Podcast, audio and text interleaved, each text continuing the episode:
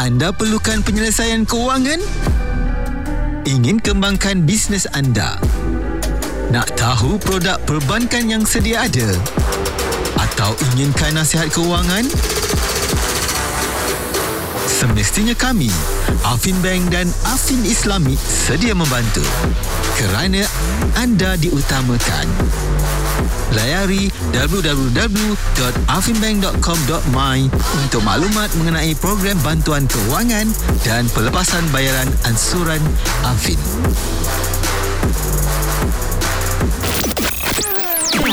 Bicara Express bersama Ariza Rahman. Assalamualaikum, salam sejahtera. EFM.live for entrepreneurs. By entrepreneurs bersama saya Dija Rizal di Bicara Express. Pastinya maju bersama Afin Bank, perbankan tanpa batasan. Dan seperti biasa, Bicara Express kali ini memberi peluang pada ramai usaha-usaha muda khususnya untuk mempromosi, memperkenalkan produk ataupun jenama mereka. Dan di samping itu mereka akan bertukar-tukar pandangan, bertukar pengalaman mereka dan uh, pendapat uh, di kalangan usahawan uh, pastinya uh, setiap usahawan mempunyai pengalaman-pengalaman yang berbeza. Okey, saya ingin uh, memperkenalkan mengucapkan selamat datang kepada uh, usahawan muda kita iaitu Arif Imran bin Hassan Ashari dari SERV ataupun SERV. Apa khabar Arif? Alhamdulillah baik. Terima kasih Rizal. Lama tak jumpa. Kan Alhamdulillah sebab yang itu PKP kan. Lepas tu PKPP dah. Dan uh, sekarang hari ni baru kita berpeluang untuk kita bertemu kan. Hmm. Uh, dan nampaknya Arif pun sihat walafiat kan. Sentiasa sihat. Tengok bisnes pun makin bagus kan. Uh, tapi kan mungkin ramai yang tertanya-tanya ni. Apa sebenarnya SERV ni, SERV ni.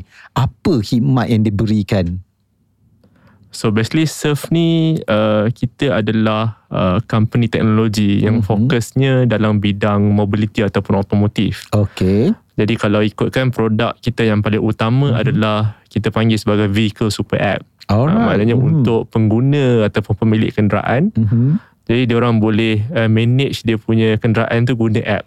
Uh, daripada uh, daripada uh, cari service center, mm-hmm. workshops. Mm-hmm uh, pergi sana and then ada boleh pakai payment guna app kita okay. kemudian ada record keeping okay. uh, semua maklumat macam kesihatan kenderaan semua ataupun apa yang dah buat dengan kereta tu direkodkan direkodkan dan boleh ya dengan digital, digital. Okay. dan boleh access balik guna app yang sama hmm yalah kadang-kadang bila yang bagi apa orang kata yang manual ni kadang-kadang kita lupa betul tak tulis sebab tak ada record bila bertukar apa kenderaan tu dengan bertukar tangan kan tak ada record kan betul. ha jadi bila dengan gunakan apps ni gunakan digital kita akan detail daripada mula kereta tu keluar daripada uh, apa ni daripada kilang ke atau sebagainya Betul. Uh, dah ada recordnya kan jadi kalau dulu ada service book mm-hmm. jadi kalau dengan ada app surf ni tak perlu lagi pakai service book hmm. uh, semua ada dekat dalam app senang kan tapi uh, surf ni berapa lama dah Arif kita nak ikutkan uh, dari segi syarikat mm-hmm. kita ditubuhkan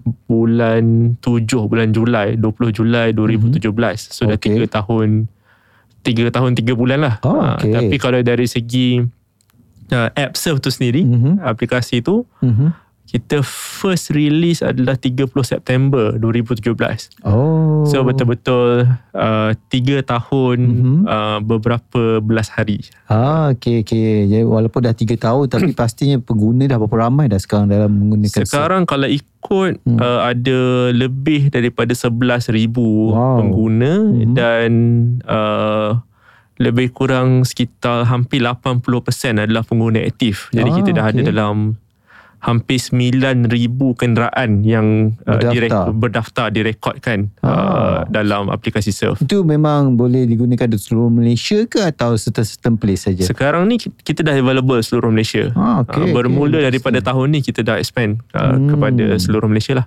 I see. Okay. Apa sebenarnya yang mendorong Arif uh, boleh terlibat dalam surf ni? Boleh buka surf ni? Memulakan bisnes okay, ni? Kalau ikutkan sebenarnya idea surf ni sendiri, mm-hmm. uh, kenapa nama dia surf? Mm-hmm. Uh, tujuan asalnya kalau ikut nama tu kita memang daripada uh, perkataan to serve people. Okay. Uh, so macam mana to serve people ni adalah dengan improve dia orang punya life okay. dengan penggunaan teknologi. I see. Uh, jadi sebab tu SCRVE tu kita tukar jadi SCRV so uh-huh. that uh, it becomes a brand. Yes. Kan? Uh-huh. Uh, dan kita start lah. Tapi uh, untuk serve people dengan innovation of technology, uh-huh.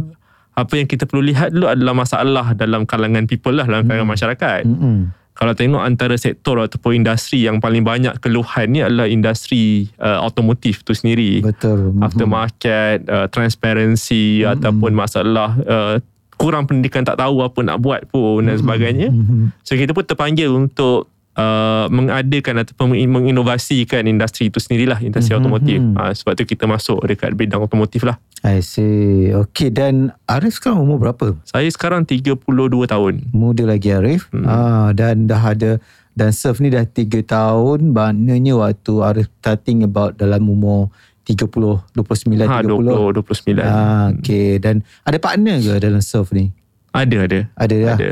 alright. Okey kejap lagi nak tanya cabaran uh, yang Arif dan partner hadapi waktu uh, sepanjang mengendalikan surf ni. Kan mungkin ada satu cabaran yang terbesar yang hingga hari ini Arif sendiri pun masih teringat uh, lagi ataupun masih lagi menghantui cabaran tersebut yang mungkin boleh dikongsikan dengan pendengar-pendengar IFM? So kalau ikut cabaran ni sebenarnya banyak cabaran. Mm-hmm. Kira uh, even macam sampai sekarang pun hari-hari kita akan ada cabaran baru lah. Betul. Kalau tak, mm-hmm. itulah yang bestnya jadi kan. jadi entrepreneur ni kan. Mm-hmm. Tapi saya boleh cakap cabaran besar ni adalah mengikut kepada fasa lah kita di mana. Mm.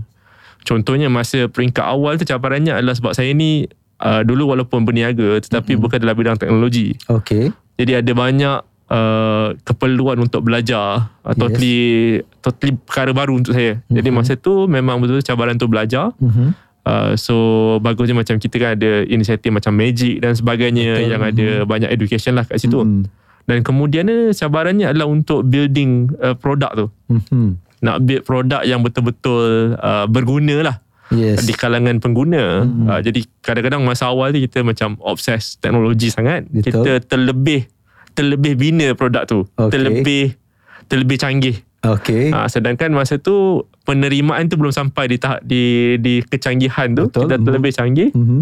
jadi produk tu tak boleh guna masa mm-hmm. awal app tu tak boleh betul-betul oh, dia tak tak yes. kata tak friendly lagi yes. lah kita okay kita validated uh, the demand mm-hmm. tapi mhm. kita tak validate the process. Okay, demand faham. dah betul, mm-hmm. ramai orang download, mm-hmm. ramai orang cuba guna tetapi mm-hmm. proses tu cara kita automate proses tu salah. Okay. Uh, so kita terpaksa make a hard call masa awal tu untuk macam tukar. Mm-hmm. Uh, so kita ubah proses uh, maknanya antara learning masa tu adalah uh, bukan tentang uh, apa uh, innovation of technology mm-hmm. tetapi sebenarnya dia adalah value innovation okay uh, so mm-hmm. kalau kita build canggih pun tapi benda tu tak betul-betul macam bawa masalah lagi banyak so mm-hmm. tak guna betul mm-hmm. jadi kita betul tengok balik proses dan kita betulkan mm-hmm. dan kita apa kita build dari situlah mm-hmm. dan kemudian makin lama nak nak keluarkan kepada uh, masyarakat mm-hmm. macam mana kita nak socialkan mm-hmm. nak nak ramai orang pakai mm-hmm. Uh, kemudian nak cari macam on board all these merchant partners, Betul. providers. Hmm.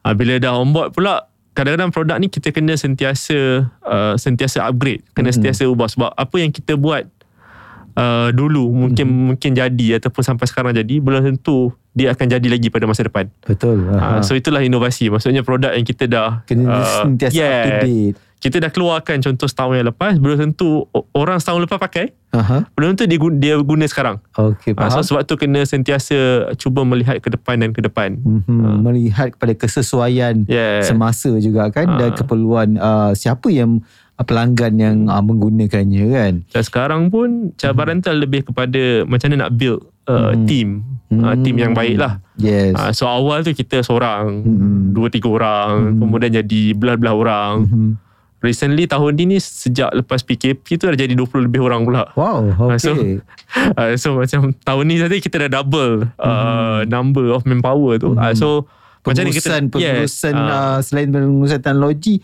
pengurusan uh, human sumber manusia tu pun yes, penting tu. juga kan. Uh, kena seiring lah. Uh, okay, faham dan juga uh, untuk kita mungkin uh, ianya antara cabaran-cabaran baru mm-hmm. untuk Arif dan juga partner kan untuk uh, apa ni Betul. untuk terus kembangkan surf ni lagi. Okey, apa perancangan masa depan untuk surf tu sendiri untuk long term? So kalau ikut uh, kira movement atau direction sekarang ni adalah Hmm. lebih kepada kita nak uh, wrap kan kita nak innovatekan the whole vehicle ownership experience. Okay. Uh, so daripada pre-ownership Mhm. sampai ke ownership sampai after ownership sampai Oh. end of life of of kenderaan masing-masing lah. Mhm. Uh, so for now targetnya begitu sekarang ni kita baru ada uh, the aftermarket after sales punya Okay. services. Mhm. Uh, ni memang sekarang ni heavily on board on Mhm. workshops ataupun apa kita akan ada car wash, service Mhm. center semua ni akan ada dalam dulu Mhm. Dan kemudian baru kita akan pergi tengok lagi uh, daripada vertikal-vertikal lain lah. Mhm. Okey, itu long term punya ni lah. Hmm. Okey, agak-agak berapa lama agaknya dia uh, proses ni yang uh, dah dah dah set up benda ni? Kalau ikut uh, nak kata the whole direction tu memang kita buat 5 tahun. Okey. Okay, tapi alright. Uh, macam every tahun tu adalah uh, strategi-strategi tertentu yang kita apa rollkan tema-tema tertentu lah. Mhm. Contohnya macam tahun ni tema kita adalah retaliation. Oh, I see. Okay. Okey. Uh, bukanlah retaliate tapi retaliation. Uh, Kira Okey. macam mana uh, automotive retail, Mhm. uh, kira aftermarket retail dalam negara macam ni kita nak ada, apa ni ada movement untuk mendigitalkan semua ni. Lagi-lagi ketika COVID dan sebagainya. Uh, ada kesan tak uh, perancangan ni ada kes adakah uh, terganggu ataupun uh, ber, tika, apa sebab kerana COVID terkesan dengan apa yang Ara dan rakan dah Sebenarnya set uh, kan? adalah uh, silver lining ataupun blessing in disguise lah. Mhm. Kira kalau ikut kan kita dah plan tahun ni saya rasa ada cerita pernah ada share dengan Rizal kot Ah. dalam interview pasal retaliation tahun Okey, lepas kan. yes, uh, Uh, so sebenarnya bila masuk tahun ni Mhm. uh, bila berlaku COVID dan sebagainya Mhm. antara faktor utama ataupun benda perkara pertama yang mereka perlu lihat adalah pendigitalan. hmm. Uh, jadi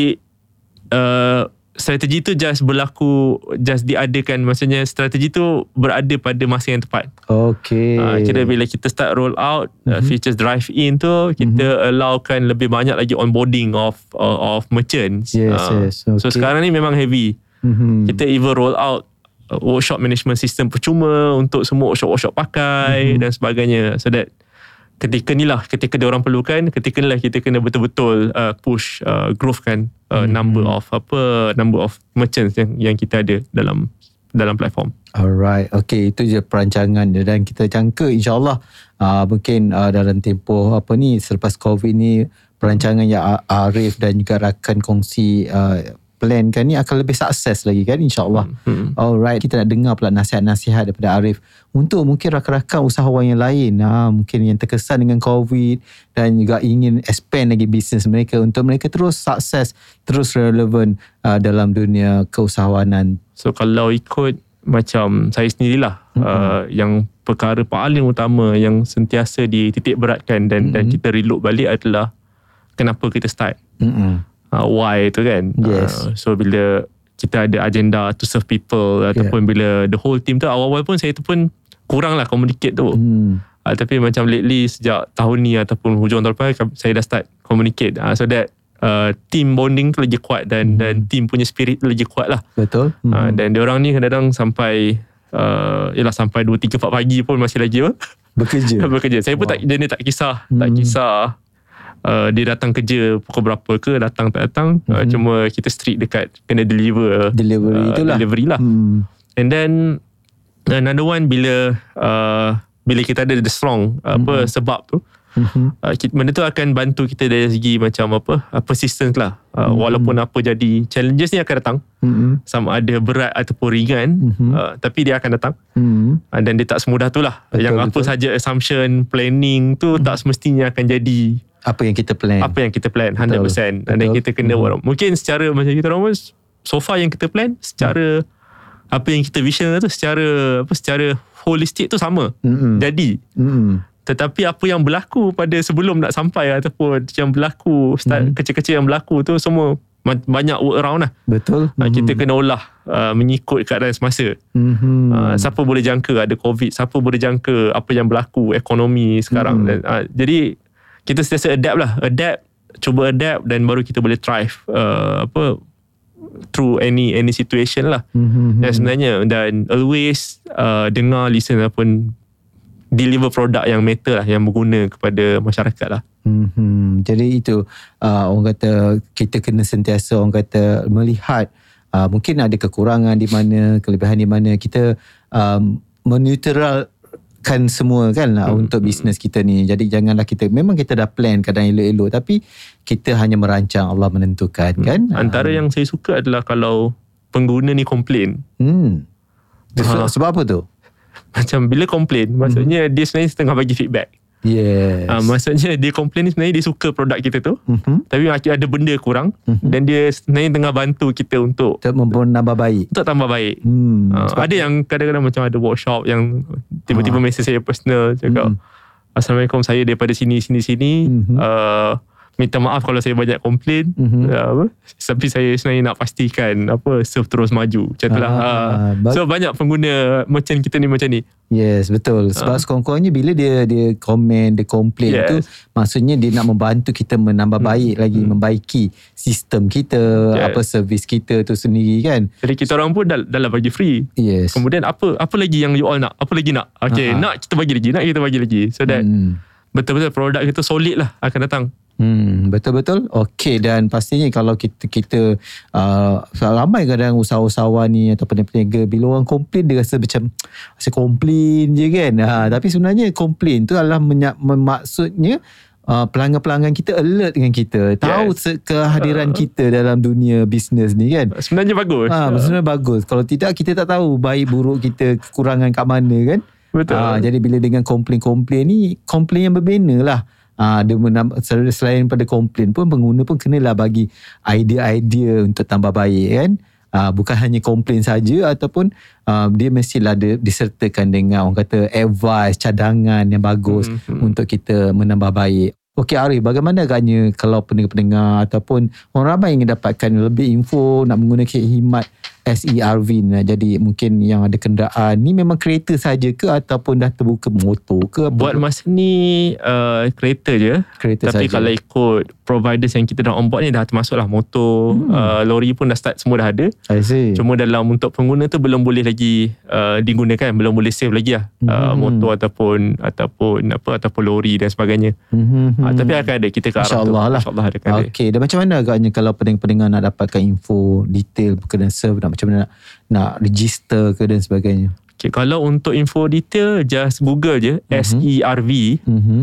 InsyaAllah akan keluar lah. Uh, memang akan keluar surf mm-hmm. ataupun boleh pergi layari direct ke laman web kita serv.my mm-hmm. surf.my I see, okay. Uh, kalau dekat Facebook, Instagram semua, just type surf sahaja. Mm. And then kalau pergi dekat App Store ataupun Google Play tu pun sama. Mm-hmm. Type je SERV insyaAllah akan nampak terus. Hmm, okay, okay. Jadi uh, senang saja kan just hmm. google je SERV ya hmm. senang jadi kat situ adalah instruction untuk macam mana nak register dan sebagainya Betul. kan hmm. alright terima kasih pada Arif uh, kena datang ke EFM berkongsi pengalaman berkongsi pandangan uh, bersama dengan pendengar-pendengar EFM dan saya doakan supaya Arif dan juga SERV Surf ni akan terus maju jaya Amin. Alhamdulillah. InsyaAllah. Dan kepada anda yang ingin mendapatkan lebih banyak info mengenai Afin Bank Berhad dan Afin Bank Islami dan juga apa saja produk tentang Afin Bank uh, termasuklah tentang khidmat perbankan yang disediakan, jangan segan silu. Boleh saja pergi ke mana-mana cawangan Afin Bank